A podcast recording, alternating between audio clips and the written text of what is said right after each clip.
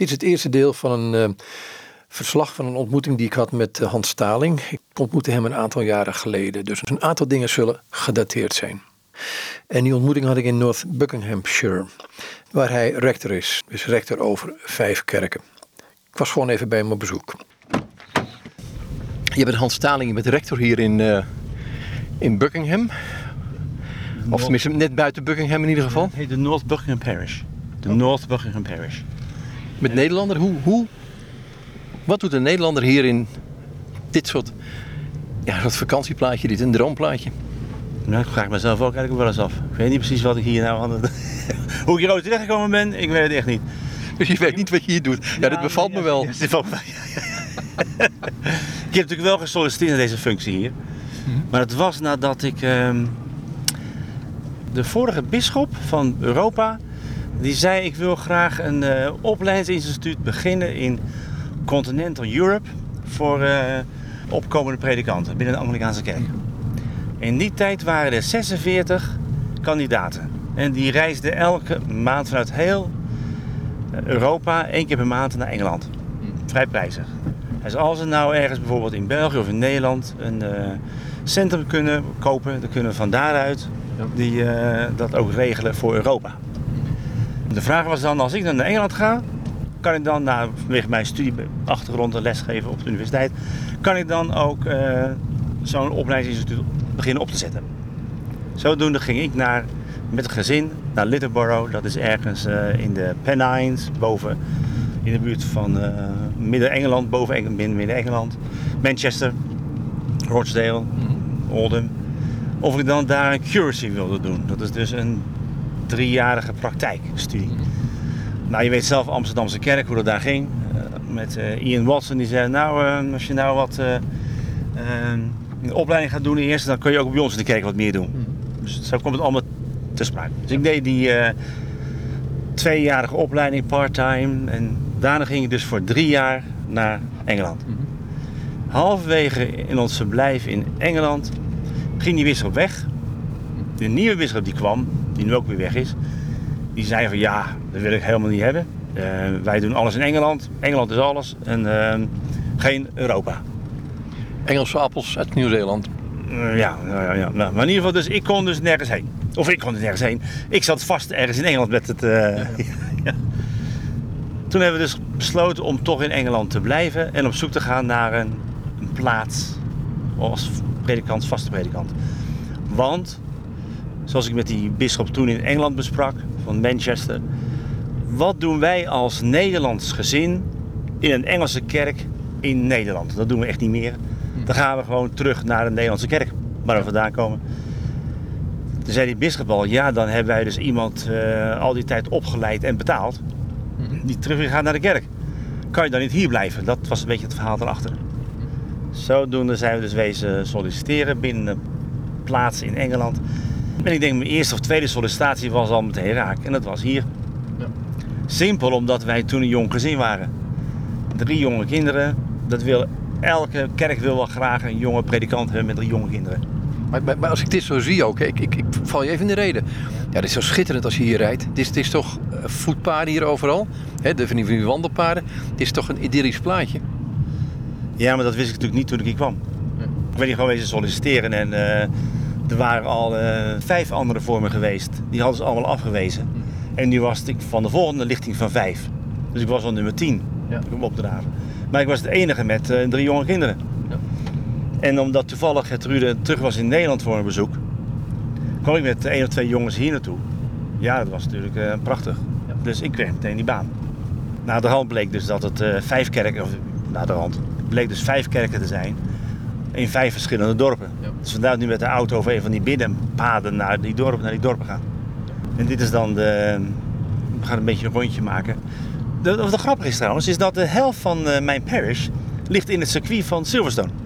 Dus eigenlijk, eigenlijk zouden wij in een Formule 1 auto moeten zitten. Ja, het, was, het grappige was dat bijvoorbeeld als iemand een ongeluk krijgt op het circuit en uh, daar dringend behoefte heeft aan pastorale zorg.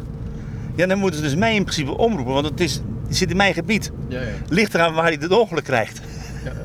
maar mijn collega die in Silverstone zelf staat met de Grand Prix, krijgt ze een helikopter om rond te vliegen. Anders komt ze niet bij haar kerker terecht.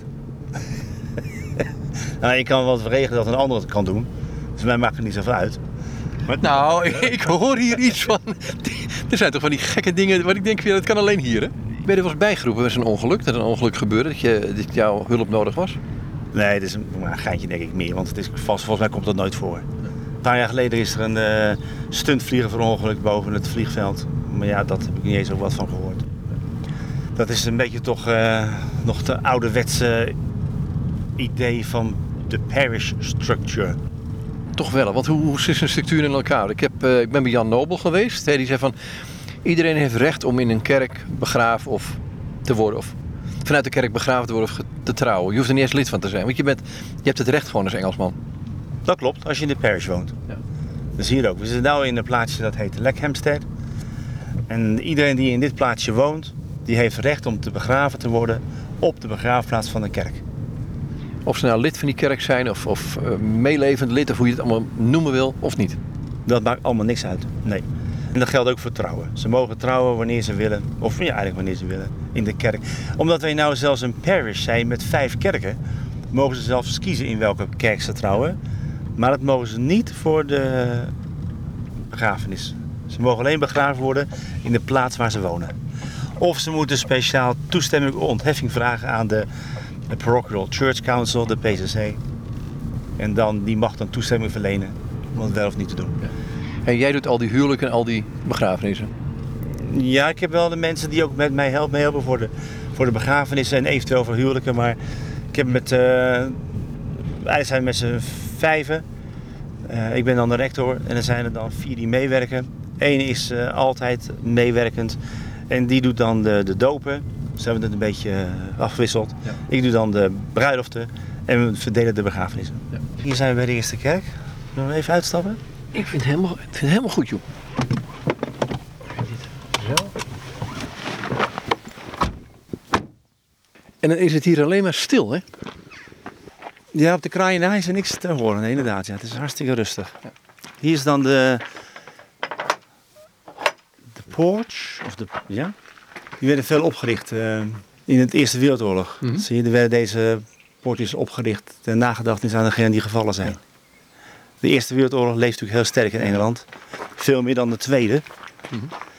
Dus dan zie je ook heel veel nog... Uh... die, die, die, die, eerste is een slachting geweest, hè?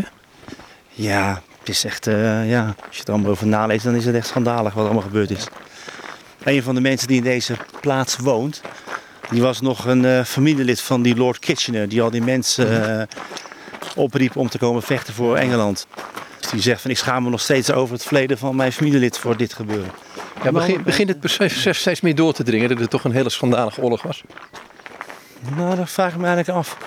Het is al een beetje erg lang geleden daarvoor. Mm -hmm. En men ziet toch ook wel een beetje het Engelse denken van... Het was mijn familielid en die moet niet voor niets overleden zijn. Maar moet, moet, moet, moet, moet je dat denken doorbreken of is, is, dat, is dat niet mogelijk? Want dit is natuurlijk heel heikel. Je kunt zeggen, ik ben tegen de, wat in mijn tijd was, tegen de oorlog in Vietnam. Tegelijkertijd kun je niet zeggen dat die soldaten die daar vochten geen helden waren. Ja, datzelfde hebben ze ook een beetje hier. Ja. En je kan niet zeggen dat Engelsen zeggen dat het een uh, verloren oorlog was of dat het uh, zonde van hun levens waren. Dat willen ze ook niet. En elk jaar wordt er toch nog steeds die uh, herdenking hoog gehouden. Met speciale diensten. En dat wordt ook gezien, vooral in het dorpen, als een heel belangrijk gebeuren voor de Engelsen. Hey, je hebt een sleutel, uit welk jaar stamt die? Oh, dit is, nee, die andere is veel ouder. Dit is eentje van nog Victoriaans. Mm -hmm. Ja, alles is hier... Waar we, kijk, waar we nu in gaan, bijvoorbeeld, daar zul je een, um, een sarcofaag waar dan een stenen ridder ligt. -hmm. Ik heb ooit eens gelezen dat in Pieterskerk van Leiden de oudste sarcofaag van Engeland te vinden is. Dat deze hier is nog ouder. Oké. Okay. Ja, daar ligt die ridder. Dit is, dit is toch... Ik bedoel, als je mensen vraagt die van Engeland houden en die komen hier binnen, dit is toch een droom van iedereen die van Engeland houdt?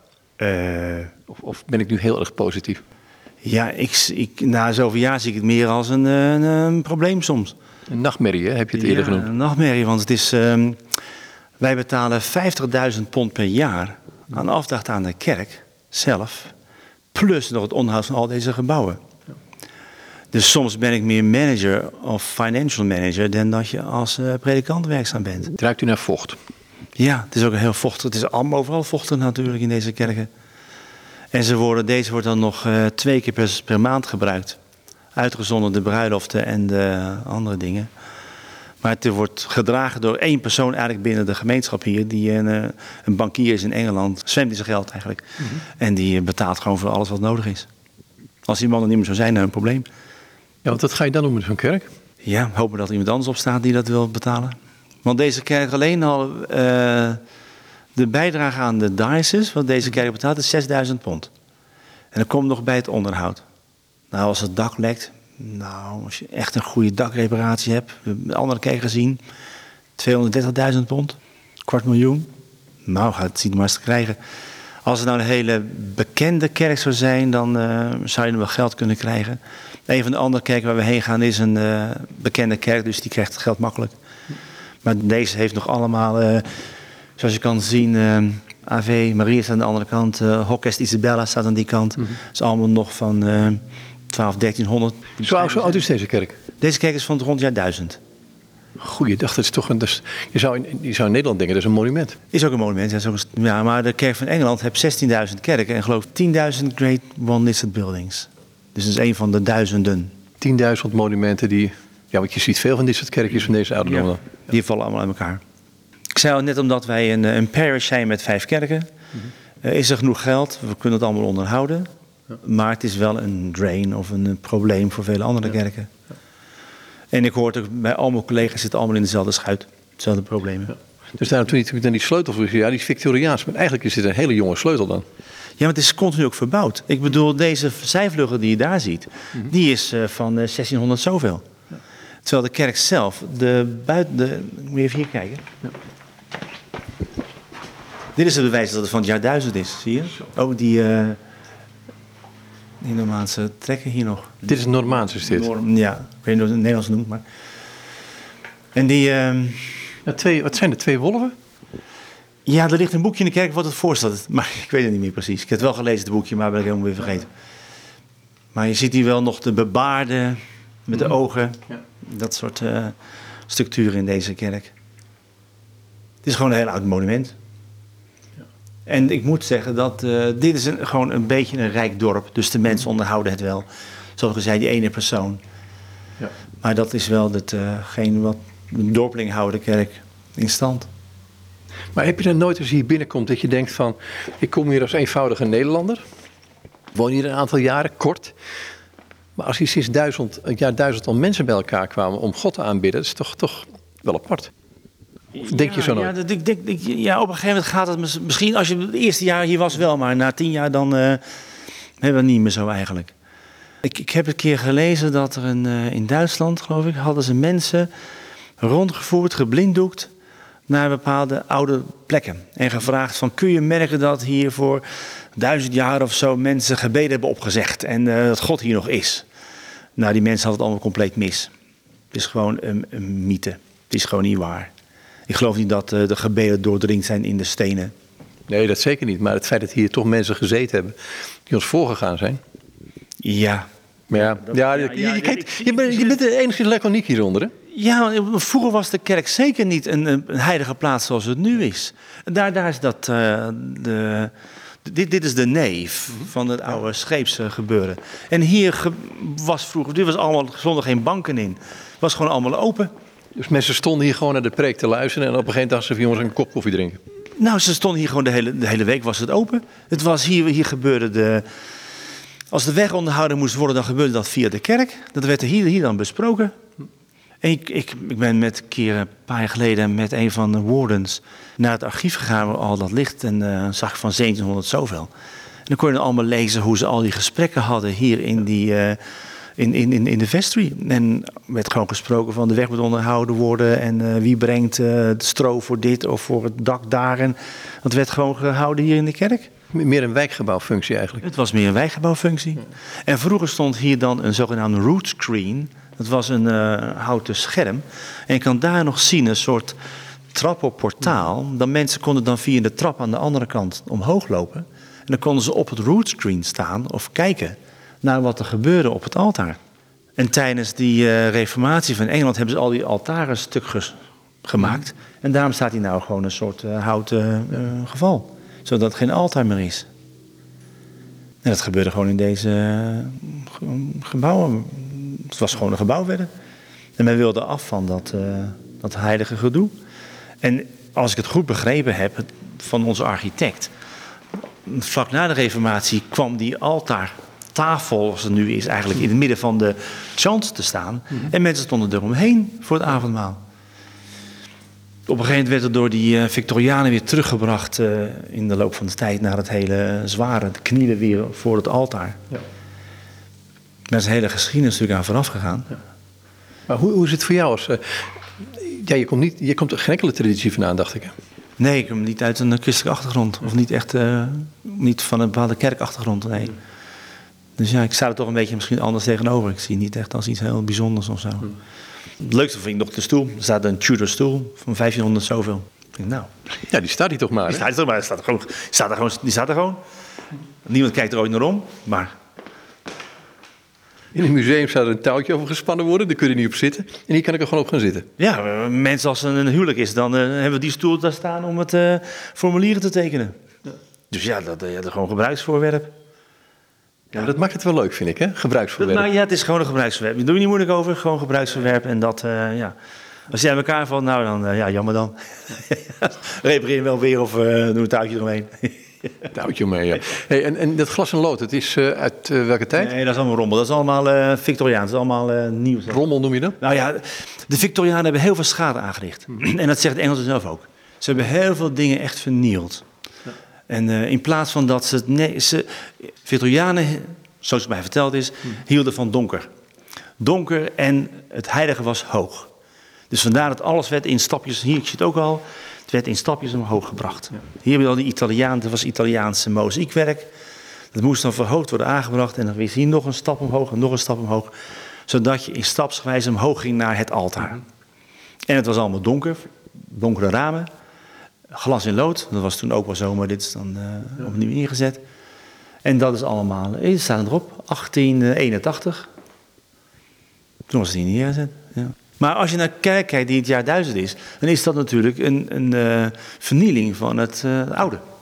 En hier is dan nog, is nog de oude vestrideur. Je kan wel zien, ik, ik, ik ben 1,90, maar ik, ik 1,92, maar ik kan echt niet onderdoor. Ik moet je heel, nee, ik ook niet. Heel, heel nederig naar binnen. Ja, maar dat was, vroeger in die tijd was dat voor de mensen een normale hoogte. Ja. Dus de predikant kwam via de vestrie binnen. Nou, Kleding, oh ja, oh, ja, maar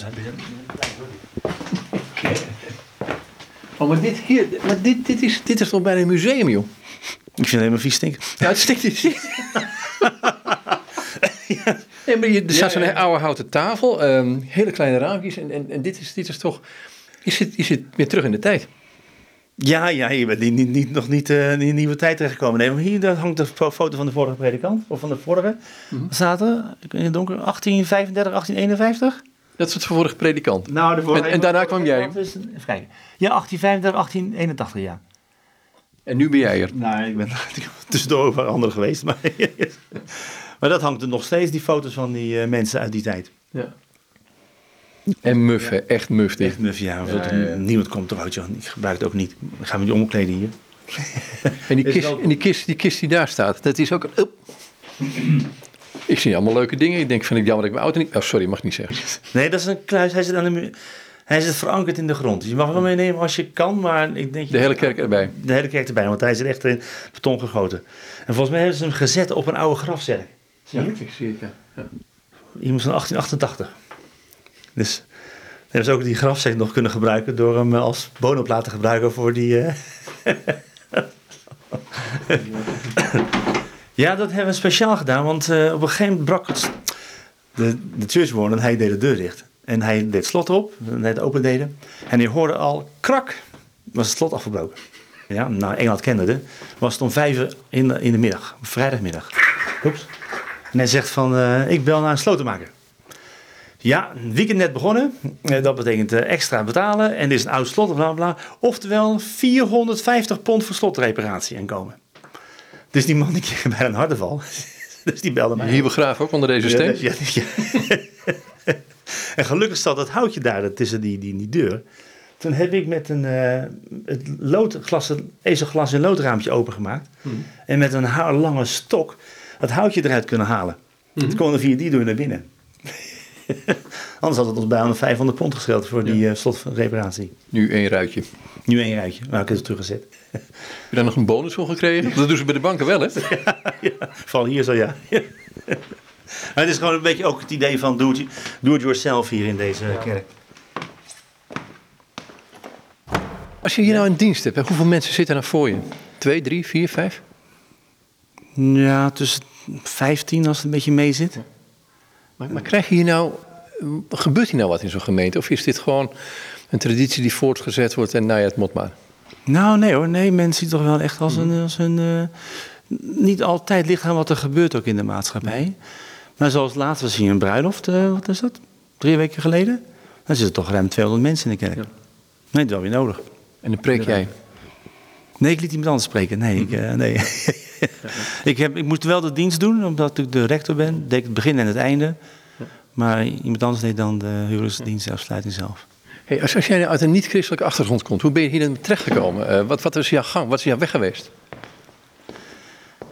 Ja, ik kan het eigenlijk moeilijk onder woorden brengen ook. Uh, mm-hmm. Ik weet, ik moet even over nadenken hoe het allemaal precies gegaan is. Dan nou, kun je zo meteen de volgende kerk ja, wel vragen. Maar... Ja, ja. Oh, hier is dus. Uh, ik kan zien, de eerste, de eerste rector was in 1219 hier. Mm-hmm. Thomas de Neville. En dan ben ik nummer 58. Johannes Albert Taling, 2005. Ja. Dus, dus, dus dat, uh... Maar ze hebben het allemaal niks bijgehouden. Maar het is de dag dat je begint, staat er alleen in. Ja, ja dat je begint, ja. En dan uh, wanneer de volgende weer komt.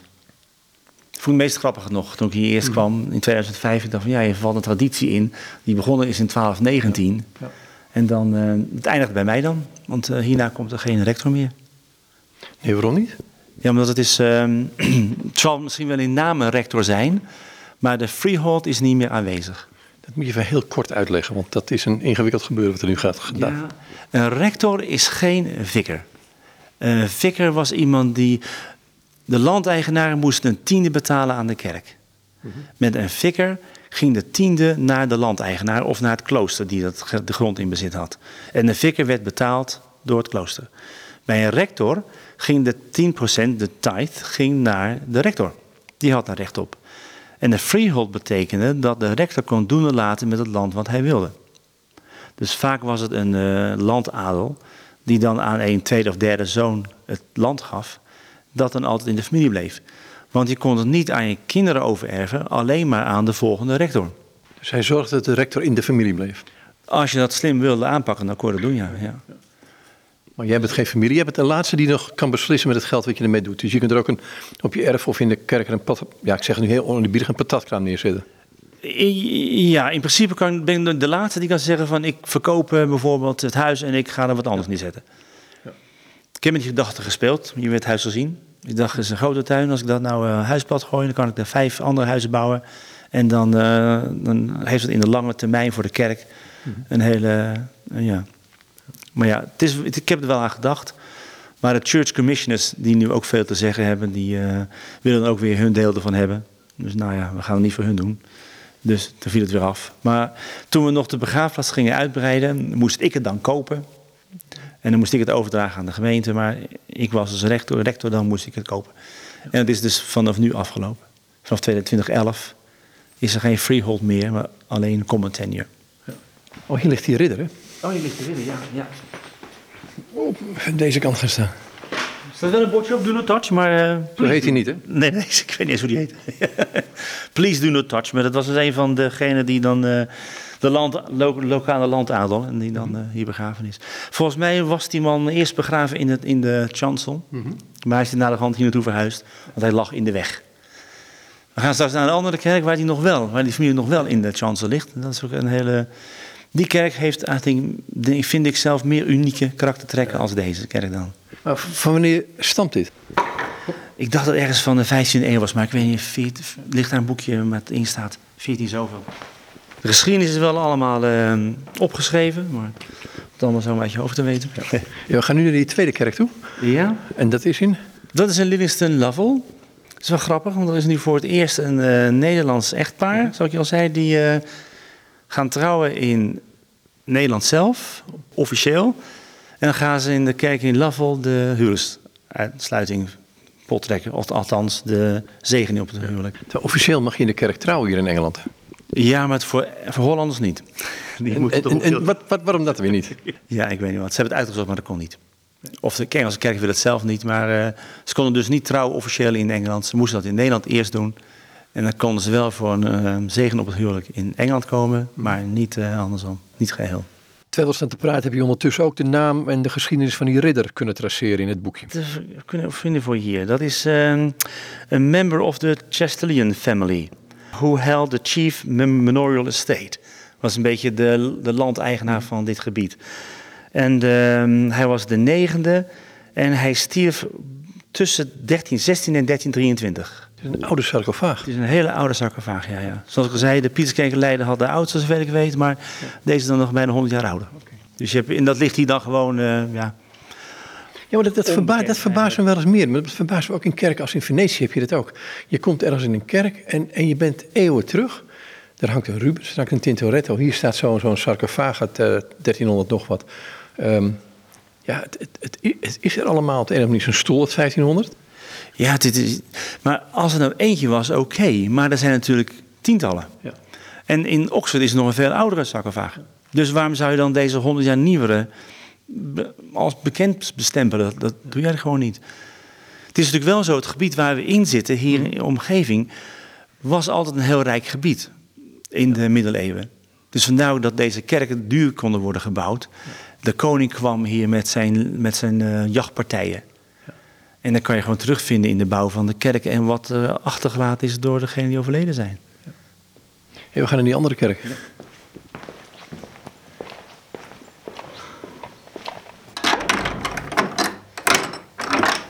Dit is de enige kerk. De enige kerk die op slot is. Dat doe je normaal niet. Nee, alle andere kerken zijn open. Maar waarom is deze wel op slot dan? Vanwege die oude stoel? Nee, omdat de ingang is aan de achterkant. Oké. Die logica ontgaat me, maar goed.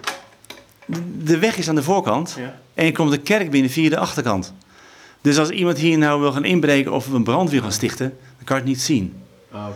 Vandaar dat ze dus het eh, gewoon dit op slot hebben gehouden. Maar anders zijn alle andere kerken open. Dag en nacht. Nog niet s'nachts allemaal, maar vaak wel. eh,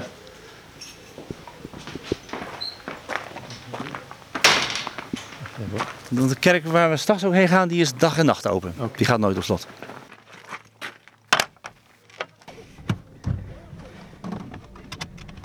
Nou, weet, weet je wat ik ook zo apart vind? Het is hier ontzettend mooi landelijk, hè? Ook een beetje nonchalant vind ik het hier. Het, het heeft iets Frans over zich. Ja, ik vraag me af of het nonchalante komt vanwege de financiële vrijheid die de mensen hier hebben. Je kan wel zien, ze ook allemaal aan het hier herbouwen en verbouwen in de huizen die je ziet. Eh, dure auto's voor de deur. Eh, die man hier bijvoorbeeld, die eh, spaart Citroëns. Dan zie je een driedubbele garage daar staan. Er zijn allemaal drie oude Citroëns achter. Dat is wat anders dan sigarenbandjes, hè? Ja, maar ja, die mensen ook die hebben. Ze zeggen dat veel meer vermogende Engels hebben pensioenpotten van 3 miljoen pond. Nou, als je dat inderdaad hebt, dan eh, hoef je ook niet zo druk te maken. Nee. En ik zie het ook hier. In, ik kan je de mensen aanwijzen die eh, topfiguren zijn binnen de Londense, in de wereld van Londen. Die wonen dan hier in de buurt. Als je naar het zuiden van Buckingham gaat, dan is er nog, even- nog zelfs meer rijkdom. Maar hier heb je toch ook eh, een stuk ervan te pakken. Er zit hier een, een advocaat. Die kost in Londen 2.500 pond per uur. wat doet hij daarvoor? Ja, die is gewoon eh, zo. En zijn zulke topfiguren, die vragen dat gewoon. En dat is gewoon, dat, is, dat gaat gewoon mijn verstand te boven. Die dat kan per uur kan vragen, maar ze, ze durven het gewoon. En, en mensen die het betalen, maar ook nog het feit, wat, wat moet je met al dat geld op een gegeven moment? Dat vind ik het enge ervan. Ja, ik, dat, ik, ik, ik, ik sta er gewoon eh, soms, eh, ik snap het ook niet meer. Er is een hele grote groep armen en die wordt waarschijnlijk ook steeds groter. En die middenstand gaat toch helemaal weg en je krijgt toch een hele ook steeds grotere groep rijken die ook steeds meer heeft. Ja. En dat vind ik in Engeland toch ook wel, toch wel zichtbaar, tenminste in dit om, deze omgeving wel. We gaan, we gaan die man niet bezoeken, maar die woont in de plaats waar we heen gaan. En hij zegt, ik heb de opleiding betaald voor mijn eh, kleinkinderen privéopleiding. Hij zei, dat kostte toch 150.000 pond, maar bijna 200.000 euro per kleinkind. Hij heeft er 10. Dus die man heeft gewoon al anderhalf miljoen pond besteed aan de opleiding van zijn kinderen. En dan doen ze gewoon dat zonder uh, blik of blozen. Ja, zoals jij een keer 10 euro aan je kind meegeeft. Ja, zo geven zij dan uh, dat aan de opleiding mee. Ik heb ook, we hebben onder Stowe School, dat is een van de Richard Branson van de Virgin Media, Virgin, uh, die hebben bijvoorbeeld op school gezeten hier. Die zit hier in de Stowe. Het is 33.000 pond een beetje per jaar. En dan zijn er uh, administratieven die ze bij ons kijken, of een van de administraties. Die zegt, ja, er zijn er mensen die hebben vier kinderen op de school zitten. En de school zelf heeft zo'n 900 leerlingen. Dan denk ik, wel, wat laat je... Ja, nee, sorry hoor. Ik ga, wil er niet eens over nadenken. Want dit, dit, dit gaat... Ik bedoel... Um, nee, ik vind een kop koffie op een terrasje vind ik prima. Ja, ja, het is gewoon een beetje een andere wereld. En dat, dat, ik denk dat veel mensen dat in Engeland niet zien. Of niet, niet van weten. Die verschil in die werelden toch. En hoe de ene wereld niet met de andere omgaat. Nee. En ik heb dat ook een beetje moeten leren. Want ik was toen uitgenodigd bij zo'n uh, een jachtpartij van een, uh, ja, bij een partij van zo'n uh, landelijk adellijk figuur. En ik vroeg van oké, okay, ook die en die persoon. Nou, daar werd me een beetje meteen een stilzwijgen over. Nou, ook vreemd. Maar oké, okay, er stond er verder geen, geen aandacht aan. Na de hand begreep ik dat die persoon, die stond weer een strapje hoger op die aristocratische ladder. En die hadden, hebben met elkaar toch niet veel van, van doen. Want ja, hij zit toch een stapje lager of hij is toch een stapje, een stapje hoger. En hebben we die, die, uh, de county, zoals het heet, de, meer landadel, die is dan weer uh, lager dan wat er bij de Koningshuis afspeelt. En dan denk je van, nou ja zeg. dus, dus, dus zo'n gekke serie Schone Schijn, dat past hier alleen maar. Uh, of uh, hyacinth uh, bucket, bucket or bouquet. Oh ja, dat, ja, dat, zou, dat, dat, dat, is helemaal van toepassing. Dat, dat is heel duidelijk te zien. En die groepen die gaan er niet echt met elkaar om. Ze respecteren elkaar wel, maar dat, nee. Ik zal je een voorbeeld geven. Onze de, we laten het gras baaien van een van de kerken door, een, uh, door iemand die, hoe noem je het zeggen, een bedrijfje die dan het, uh, het gras maait. Oh ja. Een contractor. contractor. Die, is, die plant dan om, uh, om half acht s morgens, kwart over zeven s morgens, plant hij zijn, zijn knecht dan bij ons op de, op de begraafplaats neer. En dan staat die man daar de hele dag, één keer tot avonds kwart over zeven, tien, half acht, staat hij daar te staan. Hij werkt eerst dan 7, eh, 8 uur en de rest van de tijd is hij daar aan het zitten. En ik ging naar hem toe zeg, Philip, moet je niet wat koffie hebben of ga naar huis? Moet je naar huis brengen desnoods? Nee, nee, nee, want, want uh, mijn baas komt zo. En ik kan niet de spullen alleen laten hier. Zijn gasmaaimachine en zijn andere dingen. Ik zeg, nou zet hem bij ons in de, in de tuin neer. Ja, nee, nee, kan niet. Dat kan niet. Dus mijn vrouw vond het al een beetje vervelend. Ook wel naar hem toe gegaan. Moet je wat thee hebben? Nee, nee.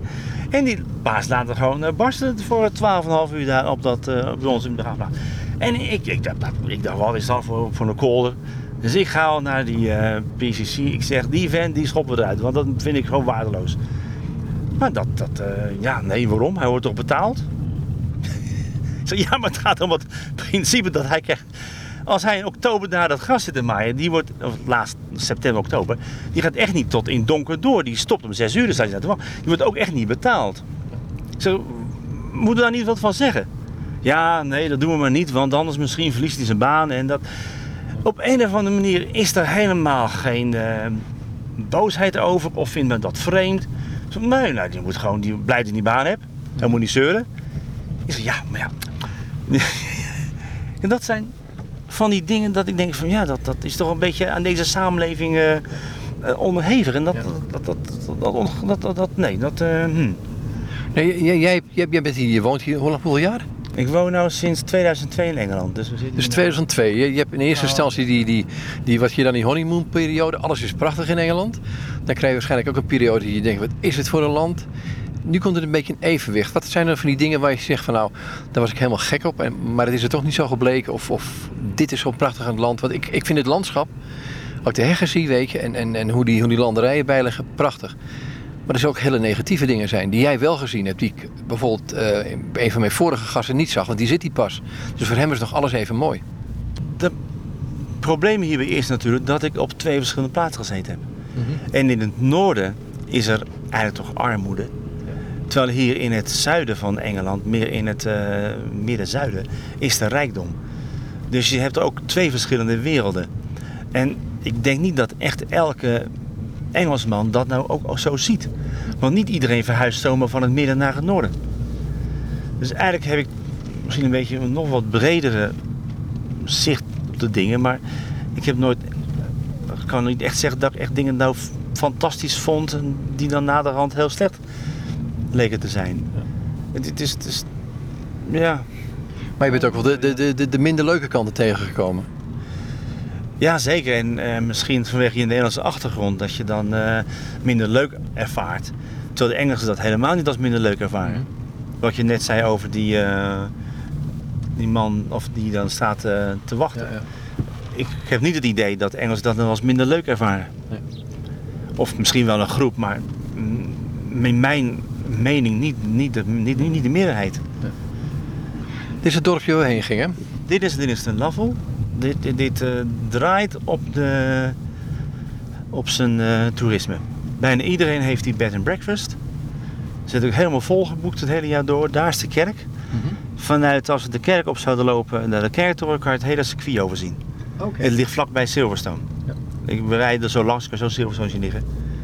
Zo, dat is een hele bekende. Uh, daarom is het een heel bekend gewild plaatsje voor mensen om te komen en te, en te blijven. Zullen we hier parkeren? Oh. Ja, de bus. Ja. Waarschijnlijk is dat de schoolbus, want er komt geen bus hier. Mijn kinderen worden allemaal nog heen en weer gebust, hè? Oh, hier wel. Want ik was, ik was bij uh, Jan. Of nee, ik was uh, bij Annette uh, Uzoikwe. Die woont in Birmingham. En die moest echt naar school brengen met de auto elke dag. Er zijn geen bussen. Um, of willen ze niet betalen voor de bus? Nee, er zijn in die school ook geen bussen. Dus, dus het is, de scholen zijn wat uit de buurt. En ieder, alle ouders heb ik het daar zien doen. Oh ja, nee, hier worden de kinderen gewoon heen en weer gebust. Ja. Ik, heb een, ik heb twee scholen in de parish. En de één school is uh, in twee locaties. Mm -hmm. En de kinderen worden gewoon tussen heen en weer uh, gebust. Ja. Zodat de ouders naar één locatie hoeven te komen voor het ophalen van hun kinderen. Oh, Oké, okay, op die manier wel. Uh, we gaan naar de kerk.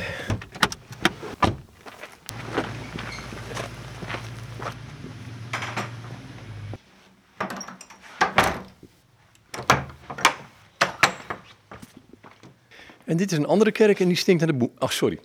Uh, de geur van de boemwas. was, ja, ja. ja, dat is zoals je zei. Dit is de kerk die wordt onderhouden echt door de gemeenschap. Ja. En daar doen ze echt heel veel moeite voor, zoals je ziet. En, en, en, hoeveel diensten zijn hier? Hier zijn er ook twee per maand. Zo overal twee per maand. Okay. Maar hier zijn ze meer... Uh, deze kerk is uh, half vol bijna met een dienst. Okay. Dus dan praat je er over 40, soms 50 mensen. Ligt er wat voor dienst er is. Mm -hmm. We hebben twee verschillende diensten. We hebben een dienst die echt de oude avondmaalsdienst is. Dan zit er ook een man of 12, 13. En er is één dienst die is uh, meer vrij. Mensen vertellen een verhaal of een evangelische boodschap. Met een paar liedjes erbij en dan veel koffie en thee naar de hand. En dan zijn er 40, 50, soms 20, 30, maar dat is een uh, stuk grotere groep. Zie je nou groei in de tijd dat je hier bent geweest? Of in de tijd dat je hier bent? Ze zeggen dat, dat uh, elke zeven jaar een Engelsman verhuist. Dus ik kan niet zeggen groei. Ik zie alleen dat degenen die weggaan vervangen worden. Dus het is, uh, ja, noem je dat groei? Dus, dus, soms is het, soms is het stel meer en dan verhuizen er weer een stel, dan is het minder. Het is gewoon een beetje een constante eigenlijk in deze. Maar vind, vind je, je openheid voor het evangelie hier? Of is het, is het echt traditie alleen? Nee hoor, nee, er zit echt heel veel openheid ook bij. Ja, ligt ja, over verschillende mensen. Hè? Dus heb je... Ja, dat begrijp ik toch wel. Maar, maar wat, wat, wat, merk je ervan? Want kijk, um, zie je mensen tot geloof komen of dat, het, dat die verdiepend bezig zijn? Of, of is, dit, is dit werk op de rotsen? Nee, maar ik heb dat ook van begin af aan anders ervaren. Dat is echt waar. Ik, heb, uh, ik wist als ik de Anglikaanse kerk in zou gaan, dat ik onder fringe zou zitten. Aan de rand van de mm kerkelijkheid. Of christen zijn. En als je echt... Uh, christen, eh, christelijke boodschap wil brengen, dan moet je naar een evangelische of Pentecostal church gaan. Waar je echt die boodschap kan roepen van bekering. En dat is hier toch een beetje anders. En, maar dat wist ik van tevoren. Hoe is het hier? Dat is, dat is ook echt Anglikaans. Er zijn heel veel randkerkelijke. Mm Maar het, het gekke is dat mensen leven met God op een misschien andere manier als wij dat kunnen begrijpen. Want het is natuurlijk een staatskerk geweest. Mm En ook nog um, ja, in Nederland uh, is eigenlijk niks met kerk. Het is, een, het is een beetje raar, maar hier is nog de staat de kerk. Dus als er wat van een koningin is, of er is wat met het uh, staatsgebeuren, dan is er een kerkelijke inbreng.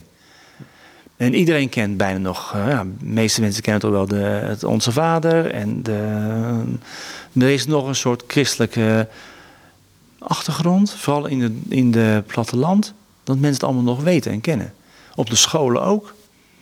Al is het minder, maar toch, er is een, er is een andere invloed in Engeland van het geloof, in mijn, naar mijn mening, als dat is in Nederland is.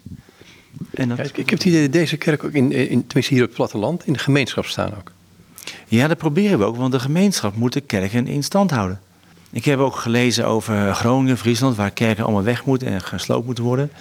En denk ik bij mezelf, ja, dat is niet een beetje stomzinnig. Want die kerken zouden heel goed uh, centrale plekken kunnen innemen in die maatschappij. Maar op een of andere manier zien we dat niet, of men uh, denkt er niet aan. Maar hier zou de kerk ook gesloopt gaan worden. Maar ze zijn gewoon deel van de maatschappij, van deze groep. En hoe oud is deze kerk? Ja, deze is van, uh, ja, ook weer, oh, kijk hier, 1300 zoveel. Uh, zie je, we hebben hier zo'n dingetje opgehangen. Ja, okay. Het begint in de 13, 13e eeuw. Dus 1200. De, de, kerk, de, de toren is van 1200 zoveel. En dan krijg je deze ombouw, die is van de, de 14e eeuw. En dan krijg je in de 15e eeuw krijg je dan, wat is nou niet veel eigenlijk meer bij. De 17e eeuw heb je dus die, de 1600 zoveel is die poortje bijgebouwd. Dit was vroeger een prachtige kerk en dit is een heel goed voorbeeld van hoe de Victorianen de kerk vernield hebben. Hm. Echt helemaal naar de gruwel hebben geholpen. En, en, en, Echt. Uh, iedereen zegt dus hoe. Hoe? Wel. Je ziet al deze muren zijn heel donker. Vrij donker. Ja. Voordat de Victorianen kwamen was dit allemaal pleisterwerk. Wit pleisterwerk. Er was hier een uh, balkon. Waar stond het orgel op. En er was uh, hier een plafond in. En er was daar een open ruimte. Waar nu het orgel staat. Nou, wat hebben ze die Victorianen gedaan? Die hebben ten eerste het glas vervangen door donker glas. Donkere ramen. En die hebben het plafond eruit gehaald. Die hebben het uh, ding eruit gehaald, de, de, waar het orgel stond. Dus nu staat het orgel daar waar het, het, het, raam geblokkeerd is. Het plafond is bijna zwart, zo donkerbruin is het. De muren reflecteren helemaal geen licht meer. En de dorpelingen zelf klagen en zeggen van ja, wat was het toch een mooie kerk volgens de tekeningen uit de 18e eeuw. Wat is er nou van geworden? En nu rond 1840, 50 hebben ze dit dan helemaal veranderd. Gemoderniseerd waarschijnlijk in die tijd. Gemoderniseerd, maar ze hebben dus wel zodanig veranderd dat er niks meer terug te vinden is van het oorspronkelijke. En zo, zo doe je dat niet meer met kerken. Je behoudt toch wat het origineel was. Dat is er dus niet meer. Maar, maar men denkt hier nooit aan een, bijvoorbeeld een, een, kale reconstructie. Dus teruggaan naar de tijd zoals het was in, in de 18e of de 17e eeuw. We hebben het wel geopperd, maar men vindt het toch weer dat men dan de geschiedenis weer vergeet. Ja, ja. Het is natuurlijk een uh, opbouw geweest in zoveel jaren van deze gemeente. En mij was verteld in het begin dat daar dat, uh, het gat, of de, die steen beschadigd was. Dat dat uh, geweer was afgeschoten in de kerk bij de Roundheads in de 16e eeuw, 17e eeuw. Maar dat was dus niet waar. Daar stond vroeger van de, de preekstoep. en die hebben ze nu daar neergezet. Zo'n heel donker exemplaar. ja. Wat, wat zien we trouwens? Hè? Moet je even zien? Dat is een, ja. uh, een zogenaamde Leopard's Gate. Want uh, oh, hier stond vroeger een root screen waar we het over hadden. Ja. Waar met een trapje omhoog kwam om er overheen te kijken. En, en, en, dan, wat zag je dan? Wat zag je hier dan gebeuren? Dat, wat de priester deed. Aan en dat, dat, gebeurde altijd achter zo'n screen? Achter zo'n screen, ja. Dat gebeurde in de, nog steeds in de, in de Grieks-orthodoxe kerken. ja, iconostaas hebben ze daar. Ja. ja. Ja, inderdaad. Dat is een beetje hetzelfde idee. Ik heb dat nooit begrepen. Ik denk, denk toen Christus stierf is het voorhangsel van boven naar beneden ja, ja, de, weg is open en, en, dan ga je weer iets in het geheim doen. Ja, dat, ja, inderdaad. Je hebt het goed, gezien. Maar dat was dus wel in die tijd. Uh, maar hier is dus die Lepers Gate. Oh, Lepers Gate. Ja. Mensen konden dus... Uh, hier kon iedereen al doorheen kijken. Ja. Maar hier konden dan de, de lepers... De leprozen, dus de melaatse. De melaatse, die konden dan, weet je, hier door het uh, avondmaal ontvangen. Ja. Moesten ze buiten blijven. Ja. ja. En dan kregen ze hiervan aan het avondmaal. Ja. Ja. En ik weet of je dit kan zien. Ja. Dan zie je een uh, gaatje mm -hmm. en allemaal streepjes in mm -hmm. een cirkel. En uh, ik zou je nog eentje laten zien, of een paar meer. Dat is een uh, zonnewijzer. Ze zagen er een stokje in, kon je zien hoe laat het was. Ja. dat was gewoon een uh, manier van... de, klok, de klok, de klok. Ja. Luikje open en dan kon je kijken hoe het laat het was. Dus hier kon dan de, de mensen avondmaal door ontvangen. Apart hoor. Hey, het avondmaal is een centrale plek in deze kerk, of niet? Eén keer per maand dus. Ja. Met, uh, met de avondmaalsdienst. En dan zijn er dus degenen die van avondmaal houden, die komen dan, die komen dan hierheen. Ja. En het is hier knielen voor de rail, om het zo te zeggen. Ja, ze allemaal knielen voor de rail hier. Ja. Ook heel veel geschiedenis hier. Maar die andere kerk waar je gaat, die heeft, vind ik nog wat meer geschiedenis. Want dit is dan, eh, We gaan nu naar weer een andere andere kerk. kerk, ja. De, de, nummer, de nieuwste hebben ze neergehaald. Mhm. Die was van 1850. Die hebben ze dus neergegooid. En dan zit er nu in de school, dus dat is de vijfde kerk. Tot zover dit eerste deel van het gesprek met eh, Hans Staling in North Buckinghamshire.